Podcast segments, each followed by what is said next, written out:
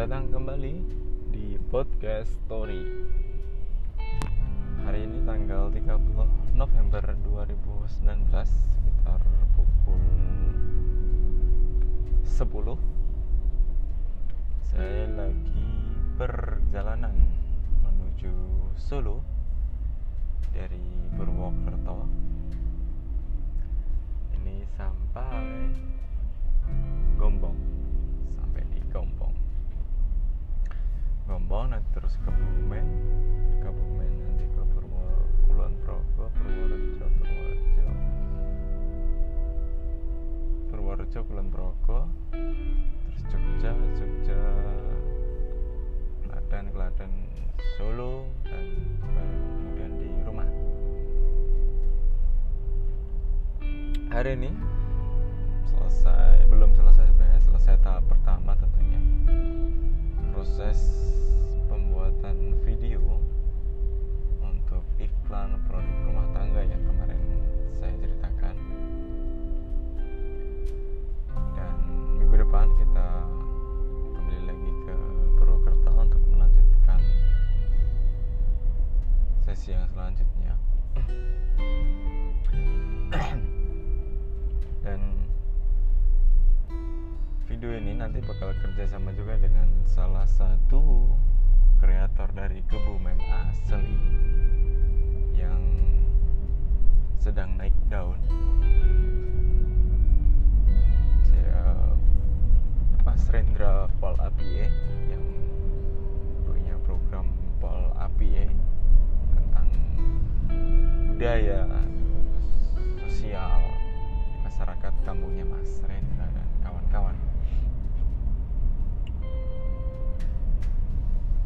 perjalanan kali ini kurang lebih nanti kita tempuh dalam waktu sekitar standarnya dari Purwokerto ke Solo bisa 6 sampai 7 jam lewat jalur darat. Dan ini kebetulan pas banget jalur di Gombong ini ada perbaikan jalan lebih tepatnya pengecoran jalan yang lumayan bagus. Maksudnya dari segi ketebalan emang dasaran ini kalau 30 cm kayaknya lebih sih tebalnya cor nih. Ini tadi setelah cukup lama mengantri ini daripada bengong dan aku saya baru teringat oh ya sudah. Kita bikin podcast saja tentang hari ini. Jadi ini iklan ke berapa ya? Saya lupa ini iklan yang ke berapa cuman iklan panci ini adalah ik- produk rumah tangga adalah produk panci dan grill atau kalau dalam bahasa ing atau bahasa kerennya itu grill box. Grillnya itu ya memang kayak semacam tatakan bundar gitu. Terus boxnya itu ya kayak panci tapi bisa buat masak beraneka macam. Lalu kemarin kita sempat nyobain masak pecel dengan tanpa perlu direbus. Artinya pecel yang habis dicuci itu langsung dimasukkan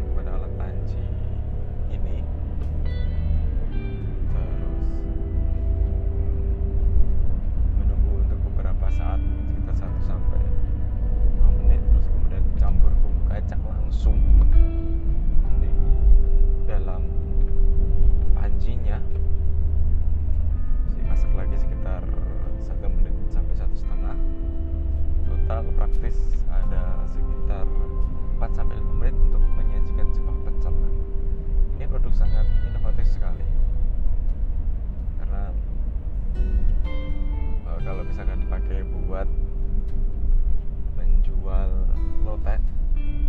Itu sangat menarik selain tentu sajiannya jadi lebih hangat dan aroma dan rasanya pun jadi terasa berbeda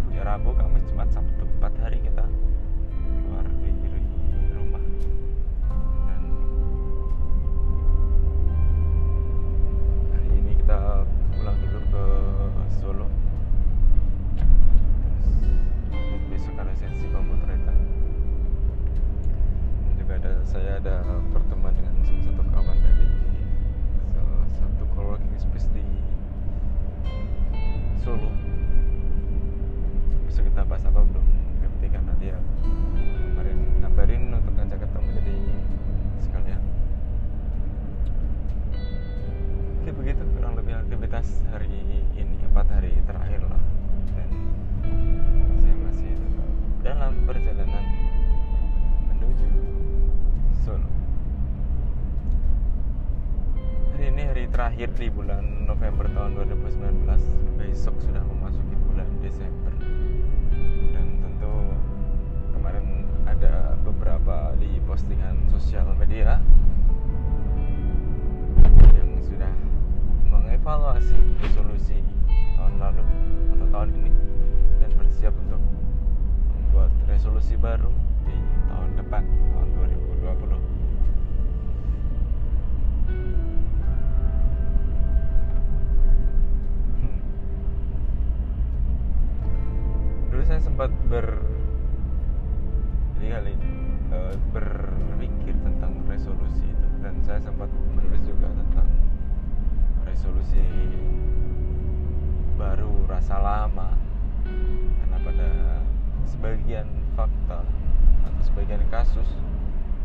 resolusi-resolusi yang dibuat oleh beberapa orang. Itu hanyalah resolusi yang diulang. Resolusi tahun ini ada resolusi pengulangan tahun lalu begitu seterusnya sampai bosan karena ya, resolusi hanya sebatas resolusi waktu itu. Tapi bagi saya pribadi alhamdulillah ya secara pribadi saya mantap dengan pilihan profesi saya saat ini. Jadi seorang freelance writer atau penulis lepas yang fokus ke konten dan bahasa sebenarnya adalah saya menulis cerita yang diubah ke berbagai media.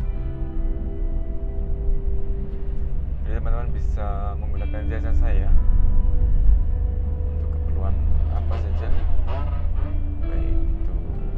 biasa layanan saling sapa misalnya atau kalau misalkan pengen nulis surat juga nggak bisa membantu untuk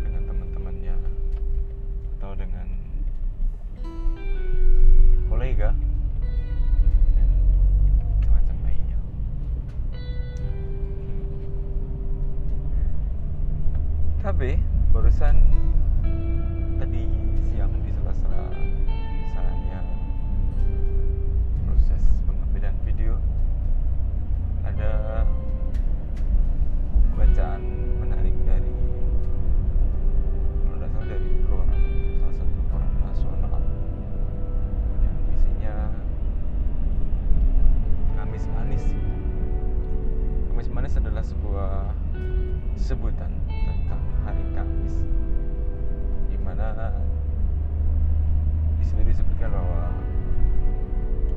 hari Kamis adalah salah satu hari yang paling ditunggu-tunggu oleh orang-orang orang-orang kantoran terutama yang hidup di kota-kota besar untuk mencari alternatif atau mencari sesuatu yang bisa dikatakan hiburan kemudian refreshing dan sebagainya. Dibandingkan dengan hari Jumat Sabtu atau Minggu. Analoginya adalah ketika hari Senin adalah hari sibuk-sibuknya seseorang atau lebih tepatnya hari di mana seseorang bertransisi dari libur ke masuk pertama setelah libur satu hari artinya pikirannya masih bertransformasi. Menyesuaikan pekerjaan di waktu hari Senin. Dan ketika masuk hari Selasa orang-orang sudah mulai menemukan titik baliknya. Sudah menemukan polanya untuk kembali bekerja dengan sesuai ritme. Dan hari Rabu menjadi hari di mana tingginya ribetnya kompleksnya suatu pekerjaan di dalam satu minggu itu. Puncak pekerjaan itu terjadi di hari Rabu makanya di hari Kamis ketemulah titik di mana titik relax titik yang membuat orang-orang mencari sesuatu yang dinamakan hiburan tadi. Makanya ada hal yang menarik lagi tentang kita hari Kamis. Dan Jumat, Sabtu dan Minggu adalah hari-hari di mana orang-orang menyiapkan liburan dan berakhir pekan. Jadi kalau misalkan teman-teman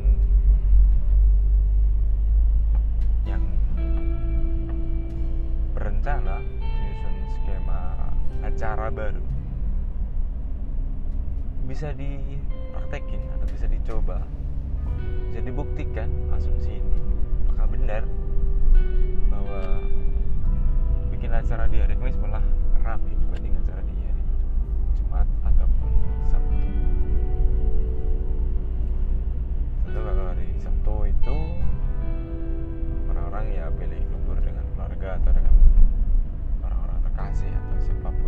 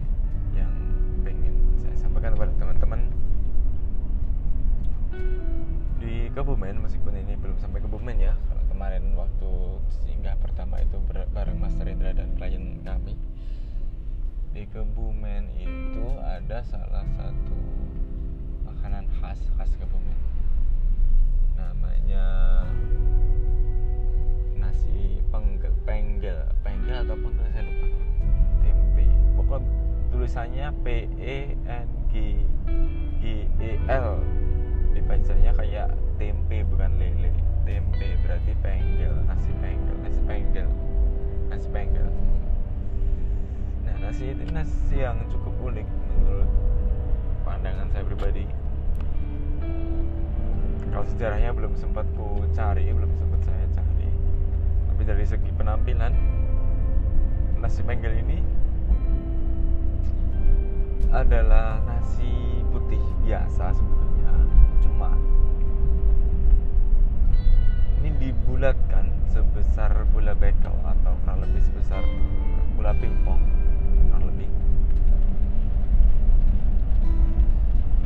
kemudian disajikan di atas daun pisang. Dan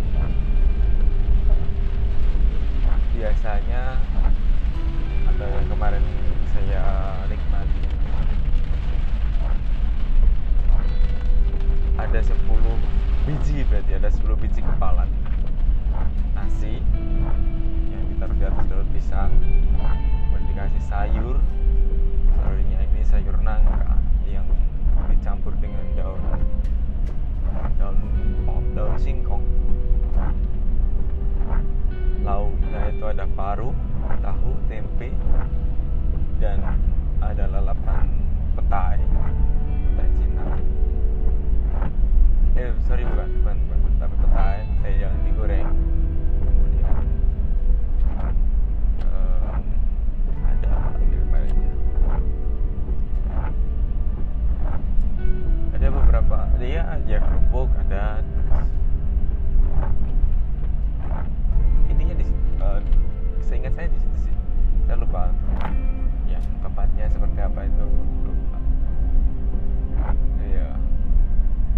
bagel ini enak enak enak dari tekstur nasinya. Jadi kita mudah untuk ada kata pakai sendok pun 10 kali santapan udah habis karena memang hanya seperti itu dan pas banget dimasukkan di mulut. Ini bener kayak bola pimpang tapi lebih kecil sedikit.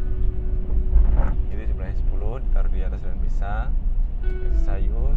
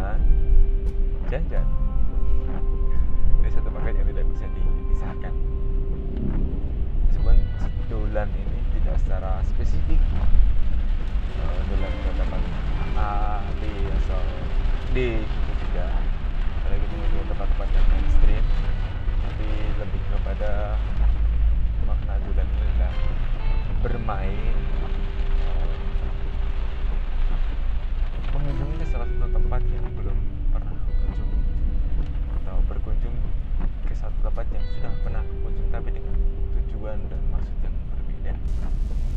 Tidak hanya di Purwokerto ini tadi lebih tepatnya itu adalah kota yang dulu 8 tahun yang lalu pernah saya kunjungi untuk sebuah urusan pekerjaan. Hari ini saya pulang juga setelah 8 tahun lalu untuk urusan pekerjaan juga tapi dengan kalau dulu ya mirip-mirip sebetulnya sih masih di marketing tapi di direct selling di jasa kalau ini adalah di marketing tapi di jasa juga. Cuma lebih ke videografi dan konten. Itu berbeda dan jajan.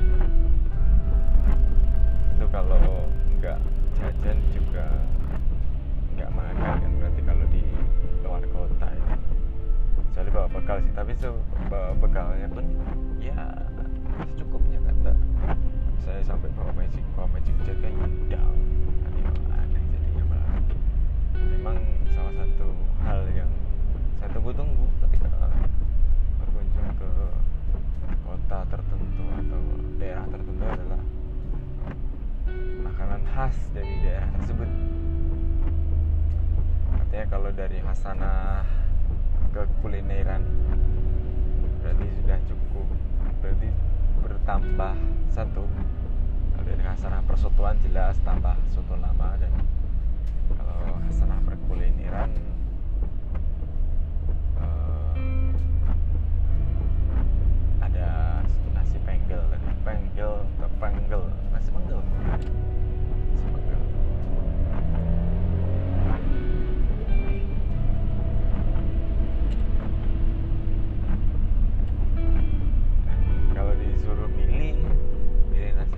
atau nasi soto lama kalau dari tekstur rasa memang nagihnya nagih yang soto lama. Selain saya memang penggemar soto ya. Jadi ada cerita waktu saya di Malang sekitar tahun 2011 2012 atau sekitar 2010 2011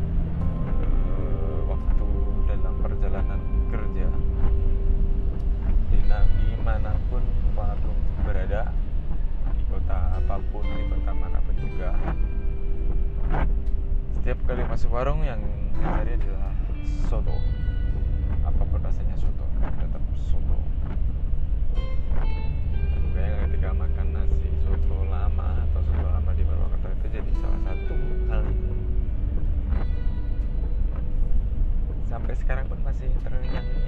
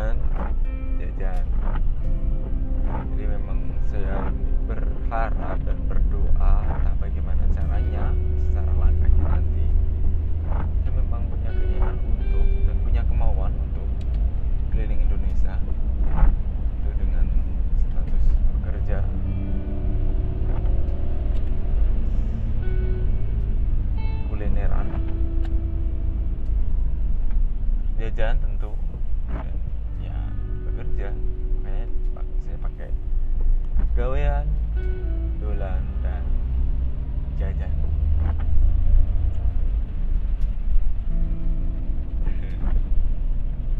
dan kalau di Solo kalau di Solo ini kalau di Solo saya memang suka jajan jajan jajan aman lo ya bukan jajan jajan yang lainnya.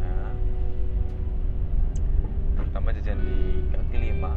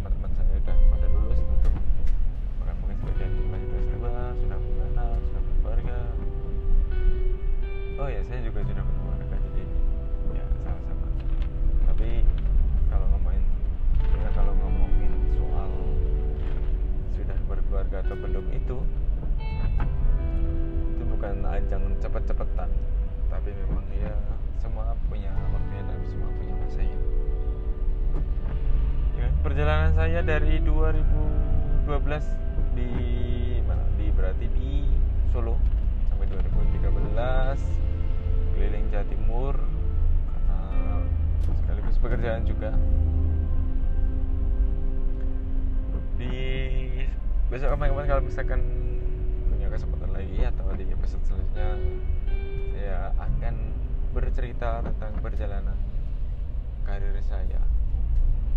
Ngomong-ngomong kalau soal karir sebenarnya ya, ya masih di step yang belum yang masih di masih perjalanan sampai perjalanan saya paling tidak punya menemukan menemukan keyakinan saya bakal hidup lewat menulis dan bakal hidup di dalamnya. Saya juga sudah menyanyikan ke istri itu 2012 balik ke Solo terus 2013 keliling Jawa Timur 2014 2014 tidak ke mana-mana 2015 2016 saya ke Jawa Barat itu dimulai dari Jakarta Jakarta ke Bandung Bandung Tasikmalaya Tasikmalaya Pangandaran Pangandaran ke Jogja Jogja terus ke Solo. Terus perjalanan saya itu yang cukup menakjubkan itu waktu akhir 2018 menuju ke pertengahan 2019 yaitu waktu saya ke Sumatera tepatnya di provinsi Riau. Selama kurang lebih enam bulan saya di sana. Perjalanan itu mem- membawa hikmah pelajaran yang cukup berharga bahkan sangat berharga. Sampai-sampai saya menemukan jodoh itu pun dari sana. Meskipun ya jodohnya orang tetangga sendiri tapi dekatnya ketika saya pas di sana malah. Nah 2014 itu saya menulis 2014 sebenarnya tulisannya sudah dimulai di 2008 cuman akhirnya baru diterbitkan secara nasional itu 2015 ya ada rentang waktu sekitar 7 tahun. Lalu 4 tahun kemudian berarti 2019 baru-baru ini saya menerbitkan buku yang kedua secara indie tentang jalan pulang karena perjalanan sepanjang perjalanan 4 tahun terakhir itu memang ternyata perjalanan untuk bertemu dengan istri saya. Perjalanan yang bukan istri saya. Ya. maksudnya ceritanya begitu sebenarnya perjalanan tentang untuk perjalanan untuk bertemu denganmu premis premisnya seperti itu sampai hari ini akhirnya ya itu tadi. Eh, hampir 10 tahun saya di jalan jalanan. Dan memang saya menyukai tentang dunia jalan-jalan yang menghasilkan dan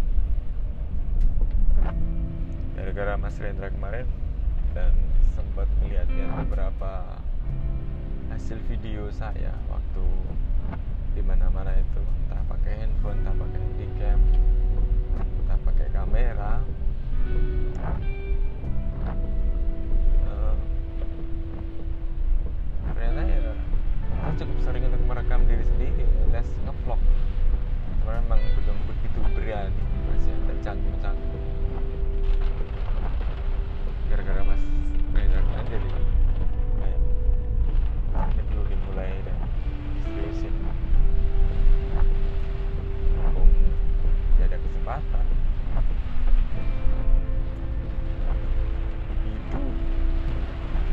Maaf ngomongnya ke mana-mana dan hujannya semakin lebat kayaknya suara saya bakal kalah kencang sama hujan yang lumayan kencang jadi saya akhiri dulu podcast hari ini. Terima kasih yang sudah mendengarkan. Silakan berikan masukan atau komentar di email manusia seutuhnya at icloud.com subjek komen.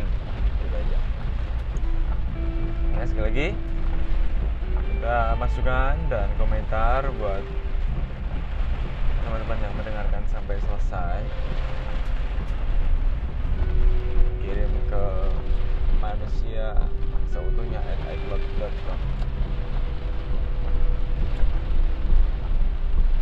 terima kasih sampai jumpa di perjalanan dan gawean selanjutnya saya mau melanjutkan perjalanan menuju malam hari ini ditemani dengan hujan yang cukup lebat dan jalanan yang ramai lancar.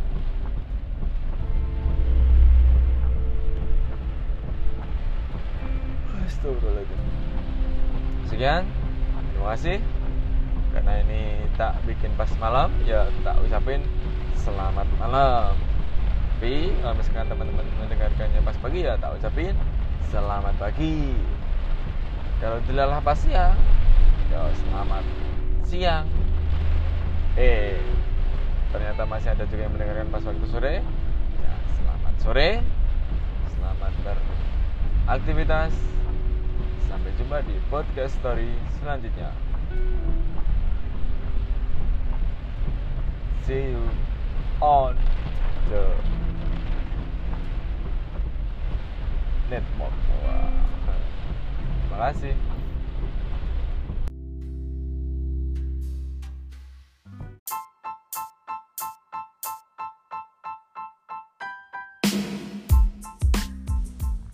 Hai, kembali lagi dengan podcast story malam hari ini. Ya, karena direkam pada malam kan, jadi saya sapa dengan malam hari ini. Saya di Purwokerto setelah beberapa waktu yang lalu dari Purwokerto dan hari ini sudah kembali Purwokerto lagi karena memang ada satu pekerjaan yang belum usai dikerjakan. Jadi kita selesaikan dulu pekerjaan di sini nanti dilanjutkan dengan pekerjaan yang lainnya. Meskipun faktanya saya masih punya satu hutang pekerjaan yang hampir satu tahun lebih atau mungkin hampir dua tahun belum selesai kukerjakan. Ini sebetulnya memalukan tapi memang kenyataannya seperti itu. Ya, begitulah.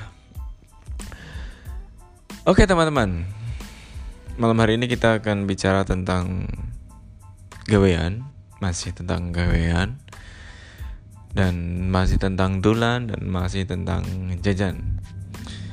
Hari ini sedikit cerita tentang satu makanan yang kalau di sini di Purwokerto namanya adalah rujak buah. Nah, ini yang jadi perbandingan adalah di Solo, di wilayah saya. Rujak kalau di Solo itu adalah sekumpulan atau serangkaian buah-buahan yang diparut kemudian parut pakai parutan buah atau apa ya namanya parutan pokoknya parutan parutan serut bukan parutan kelapa. Ada bisa mungkin tiga, bisa tujuh atau sembilan macam buah. Misalkan antara lain ya ada mangga mentimun bengkoang kemudian belimbing jambu air, melon, terus semangka. Tapi kalau semangka ada dibikin rujak sih ya, ya kurang lebih lima lah. Nah itu diparut semua, terus dikasih sambal lotis. Itu rujak di Solo, daerah Solo dan sekitarnya. Atau ada tambahan lagi namanya rujak es krim nah biasanya ditambah es dung dung kalau istilahnya nah menariknya barusan tadi sore di Purwokerto ini waktu proses syuting waktu proses istirahat ya sekitar jam 3an sang klien bukan sang klien temennya temen partner kerja kita datang dia bawa makanan beberapa ada rujak sayur dan rujak buah. Aku pikir aku pikir aku pikir rujak buahnya itu bakal sama dengan yang ada di Solo ternyata setelah saya buka selain bungkusnya yang menggunakan bekas koran dan kertas minyak ini bungkus seperti gado-gado kalau di Solo. Nah, pas dibuka betapa terkejutnya saya. Saya juga tidak terlalu terkejut-terkejut sih, cuman ya memang agak kaget karena lah rujak kok begini. Nah, nah secara tampilan kurang lebih begini secara tampilan. Semoga teman-teman bisa ngiler ya. Secara tampil begini. Untuk buahnya hampir sama, ada beberapa mangga, jambu air, bengkoang, terus mungkin tadi ada apa lagi ya? Um, jambu air dan seterusnya lah ada beberapa mungkin ada 5 atau 6 buah macem yang dipotong secara secukupnya. Jadi satu kali suapan tuh masuk mulut. Dicampur jadi satu. Nah sampai di sini. Kalau di Solo kan pakainya sambal lotis ya. Sambal lotis itu ya sambal yang dibuat dari lombok terus lombok lombok apa namanya? Kalau bahasa Indonesia ya? Lombok lombok usit lombok usit nah cabai rawit cabai rawit. Terus dicampur gula merah sedikit garam dan kalau mau dikasih apalagi asam atau jeruk dan sebagainya. Sama ditambah nggak pakai bawang kalau kalau itu lombok. Cabai rawit sedikit garam. Itu kalau di Solo. Terus tambahkan air dilembutkan diencerkan dikasih di rujak tadi. Nah kalau di sini di Purwokerto ini barusan tadi yang saya makan adalah sambalnya adalah sambal mirip gado-gado di Solo. Jadi ya kayak semacam sambal kacang tapi pedas tapi bukan sambal tapi bukan sambal kacang biasa. Jadi kayak lebih mirip lotek. Nah tapi berair karena ini pakai buah. Cuman tadi tidak sempat saya videoin jadi ya tidak bisa saya share ke teman-teman gambarnya. Mungkin lain waktu atau besok atau kapan-kapan eh nggak tahu lah. Pokoknya bukan pokoknya sih tapi lebih ke kalau ada kesempatan lagi kalau mau dicoba di kasih tunjuk buntutnya kemarin beberapa waktu yang lalu seperti yang sudah sampaikan di podcast sebelumnya ada makanan namanya soto lama. Itu juga tak kalah menariknya. Itu juga sama menggunakan bumbu kacang. Dan aku jadi penasaran sih apakah beberapa makanan-makanan yang apa ya menurutnya khas gitu ya di daerah Purwokerto memang rata-rata pakai bumbu kacang gitu saya belum bisa menemukan dan saya belum nyari referensi sih baru eh, tadi baru pulang selesai syuting tadi. Sekitar jam setengah sembilan prepare prepare terus baru sekitar jam sekitar setengah sepuluh kalau nggak salah atau jam sepuluh kurang. Setengah sepuluh mungkin. Sampai di penginapan bersih ber, uh, kamar mandi sebentar terus ya bersih bersih eh enggak enggak bersih bersih sholat isya terus istirahat main handphone main HP WhatsApp sama istri. Ya begitu lah sama cakap-cakap sama kawan lama.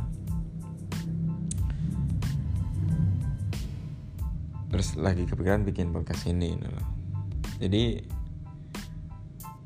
ya penasaran. Saya masih penasaran tentang rujak di Purwokerto ini.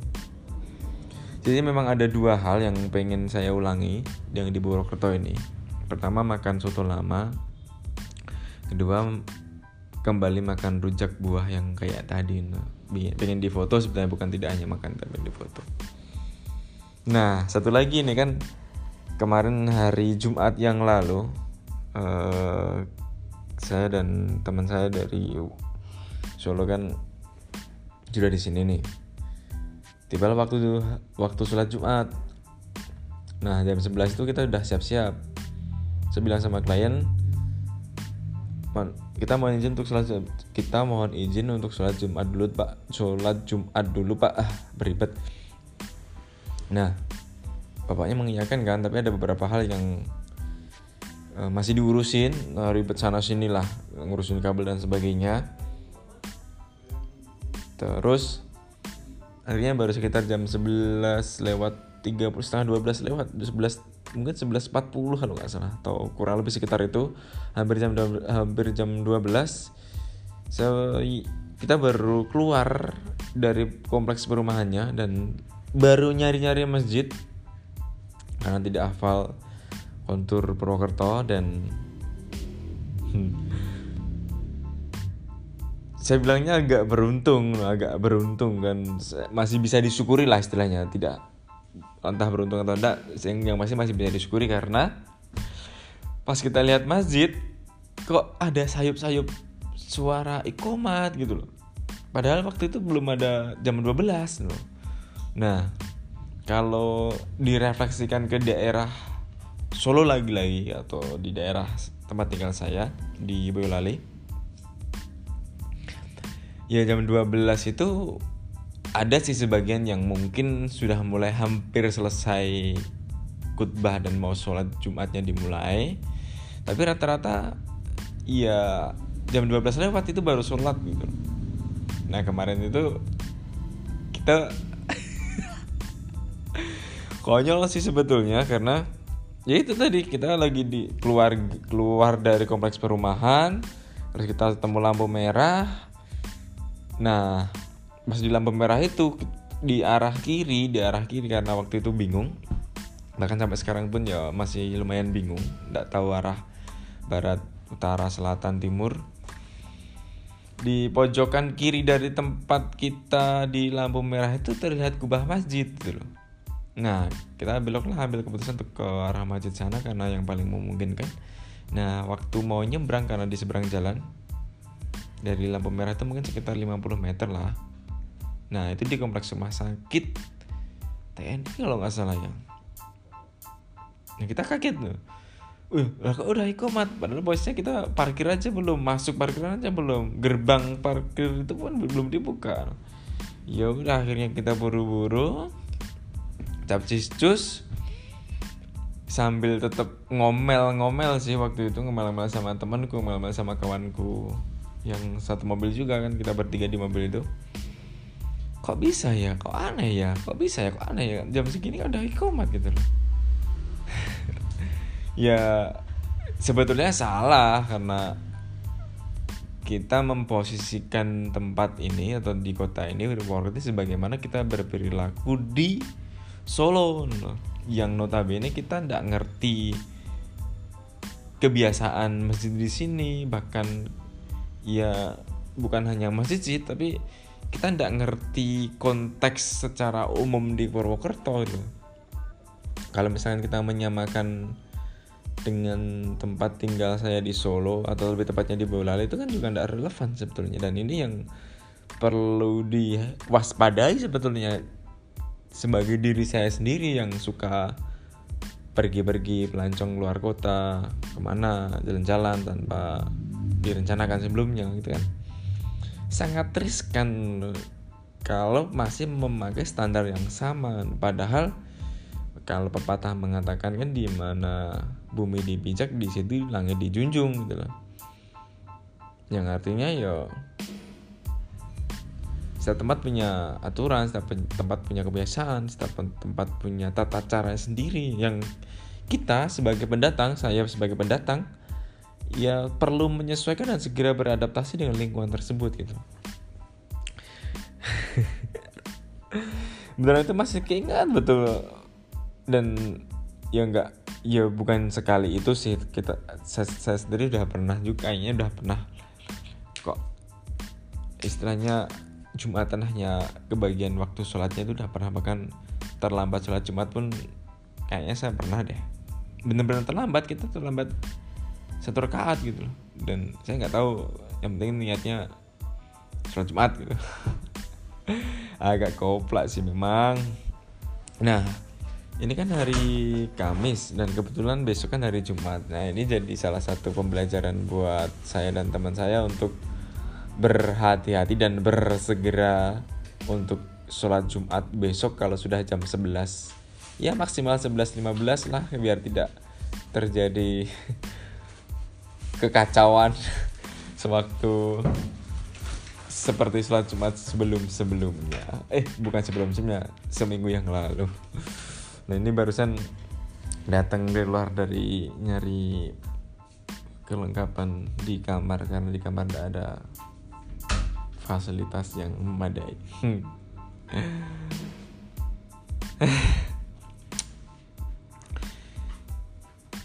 Dan mungkin teman-teman juga yang mendengarkan podcast yang mendengarkan podcast ini pernah mengalami hal serupa kita menyamakan tempat peristiwa keadaan baru dengan situasi-situasi yang pernah kita alami dulu.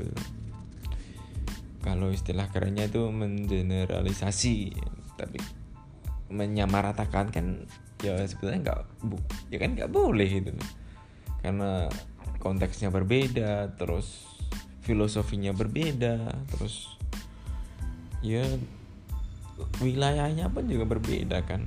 Artinya ya kita memang perlu bijak dalam bersikap. Gitu sih.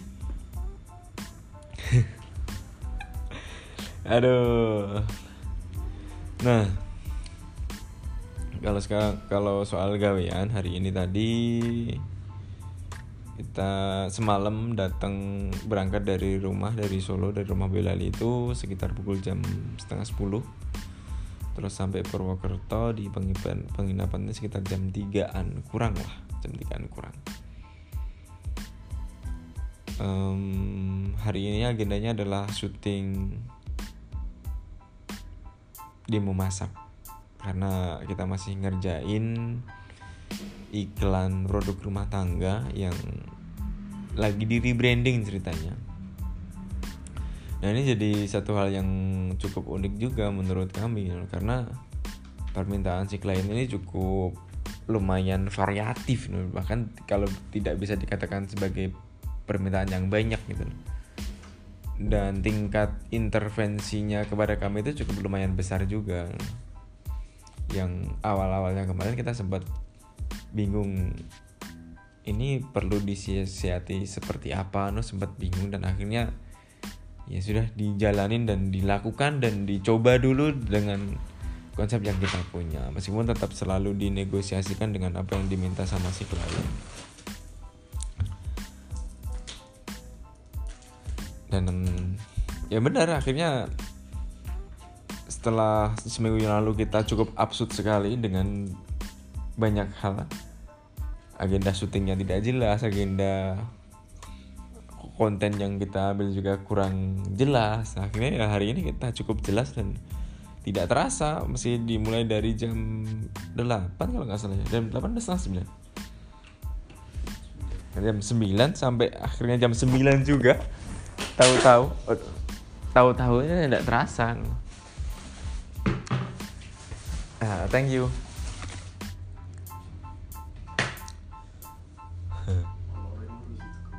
Beras itu. Urai. Apa ya? Oh, tidak mau. oh ya, ini tak jadi sekalian cerita ini teman-teman. Hari ini kan dia mau masak. Nah, ada sekitar kalau seingatku ada mungkin 1, 2, 3, 4, 5, 6, 7 menu masakan yang hari ini kita masak dengan satu dua dengan dua jenis alat masak. Ini cukup menggembirakan atau sangat malah fantastis ya kalau dibilang alat ini ya. Atau visioner ya atau inovatif ya karena satu alat tapi bisa digunakan untuk eh dua ya dua alat bisa digunakan untuk memasak sebanyak 7 menu.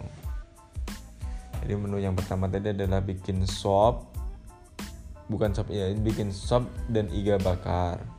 Terus yang kedua bikin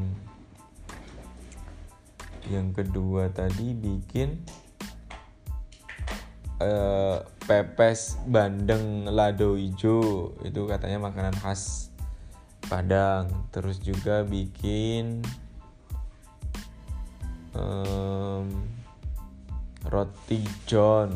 Terus ada lagi juga bikin martabak terang bulan. Terus ada lagi bikin cah kangkung tanpa minyak dan tanpa air. Ada satu lagi apa ya mas ya? Kan itu juga ya tadi ya itulah kurang lebih lah. Dan prosesnya lumayan ya itu dari jam dari jam 9 sampai malam hari ini tadi. Nah ini ya salah satu keuntungan melakukan demo masak ya otomatis dapat hasil jatah masakan meskipun perut kenyang ya tetap disikat kayaknya padahal di sini masih ada roti bawaan dari Solo yang belum selesai dimakan.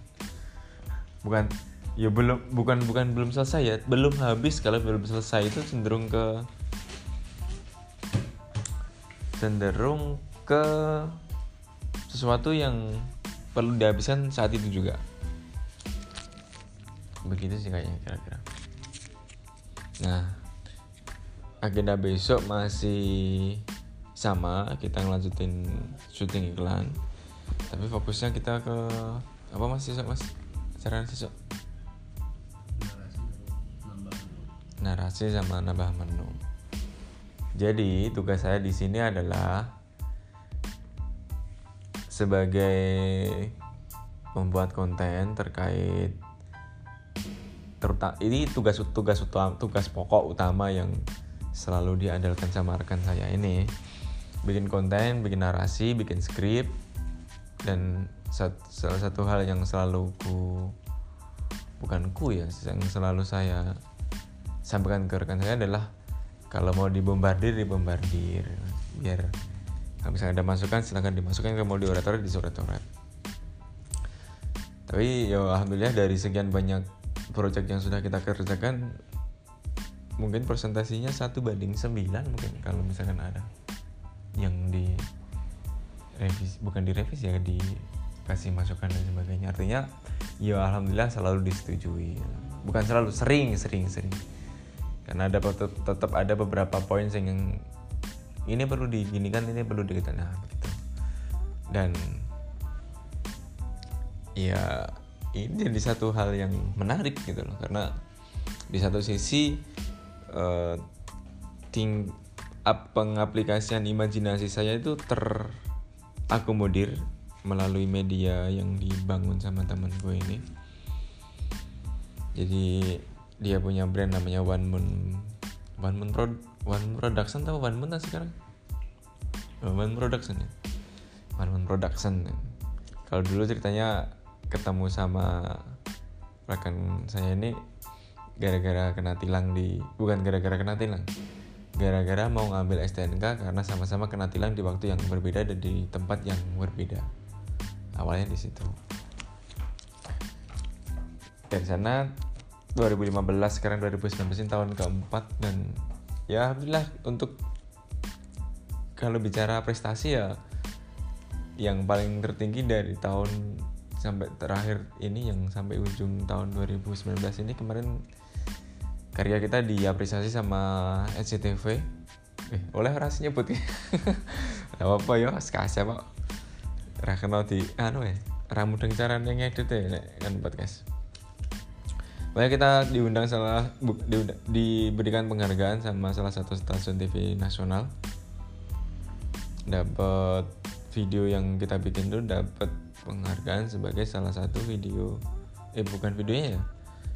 Ya videonya tapi mengangkat sosok yang paling inovatif sosok inovatif pada waktu itu.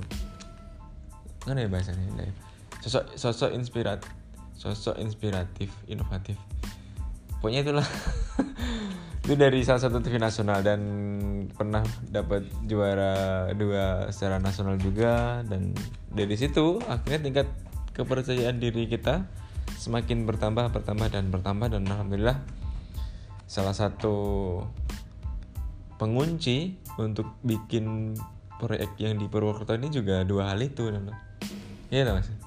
Jadi mereka pede untuk pakai jasa kita kan salah satu salah satu alasannya kan dia mendengar prestasi yang mudah kita bikin.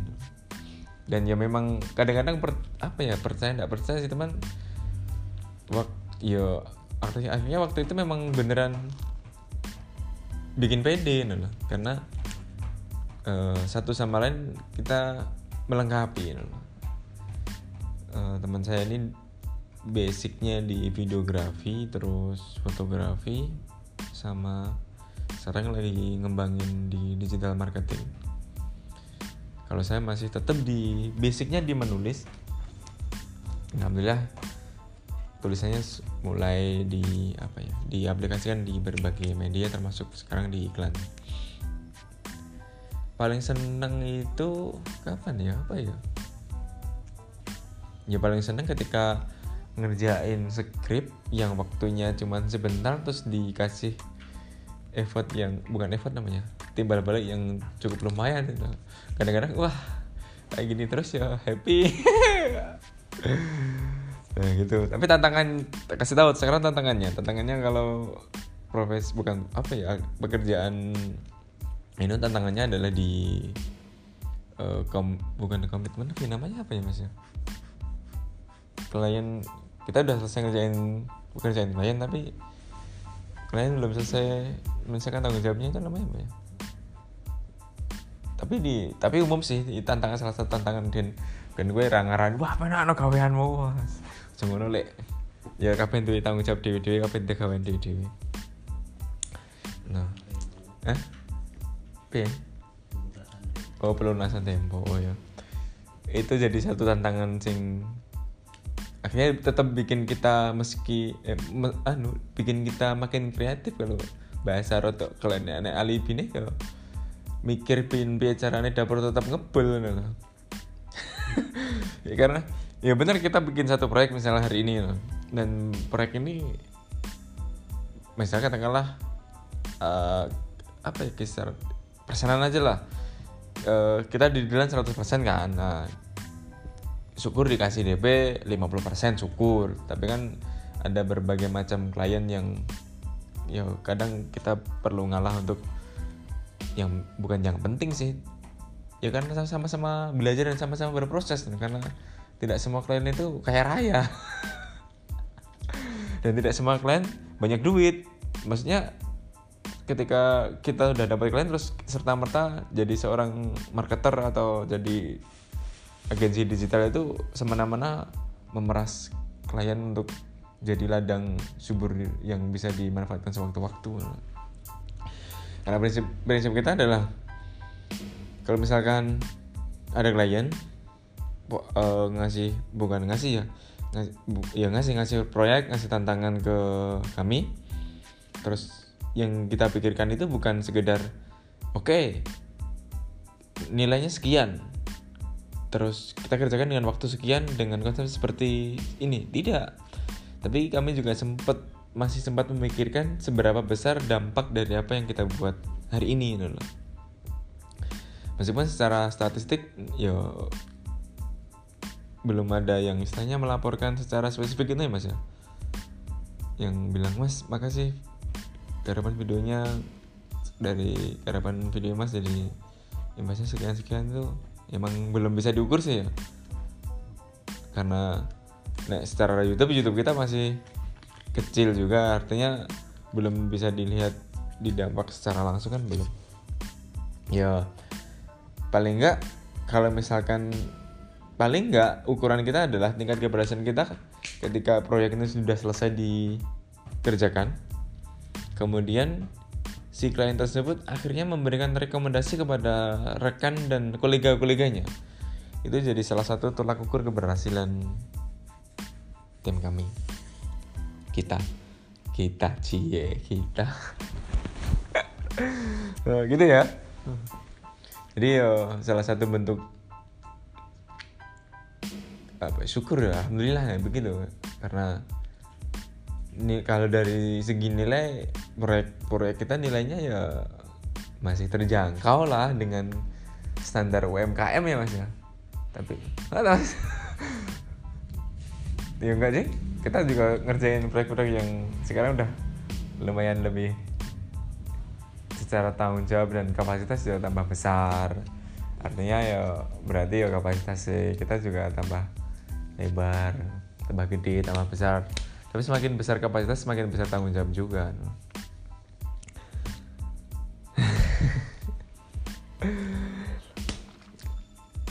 nah itu kalau soal gagan seperti itu. Nah ini nggak tahu karena dari kemarin kita bahas kan jajan gagan jajan gagan dan memang karena belum sempat dolan dan tadinya malam ini tadi saya berpikir mau nonton di daerah sini cuman sekarang udah jam 11 ini udah tidak ada bioskop yang buka. Ya udah setelah aku pikir-pikir juga kan badan capek besok masih ada syuting. Ya udah milih istirahat. Tiduran di penginapan sambil mungkin ada evaluasi sebentar dari kami berdua sambil menyiapkan. Besok ada satu narasi yang perlu kita gondok karena kemarin kita bikin itu masih apa ya melangit banget itu belum belum menyentuh. Ibarat biji itu ya belum tertanam. Betul masih disebar dan tertutup. Jadi ya seperti itu kawan-kawan. Hmm, apa perlu dikasih closing statement? Tidak usah ya.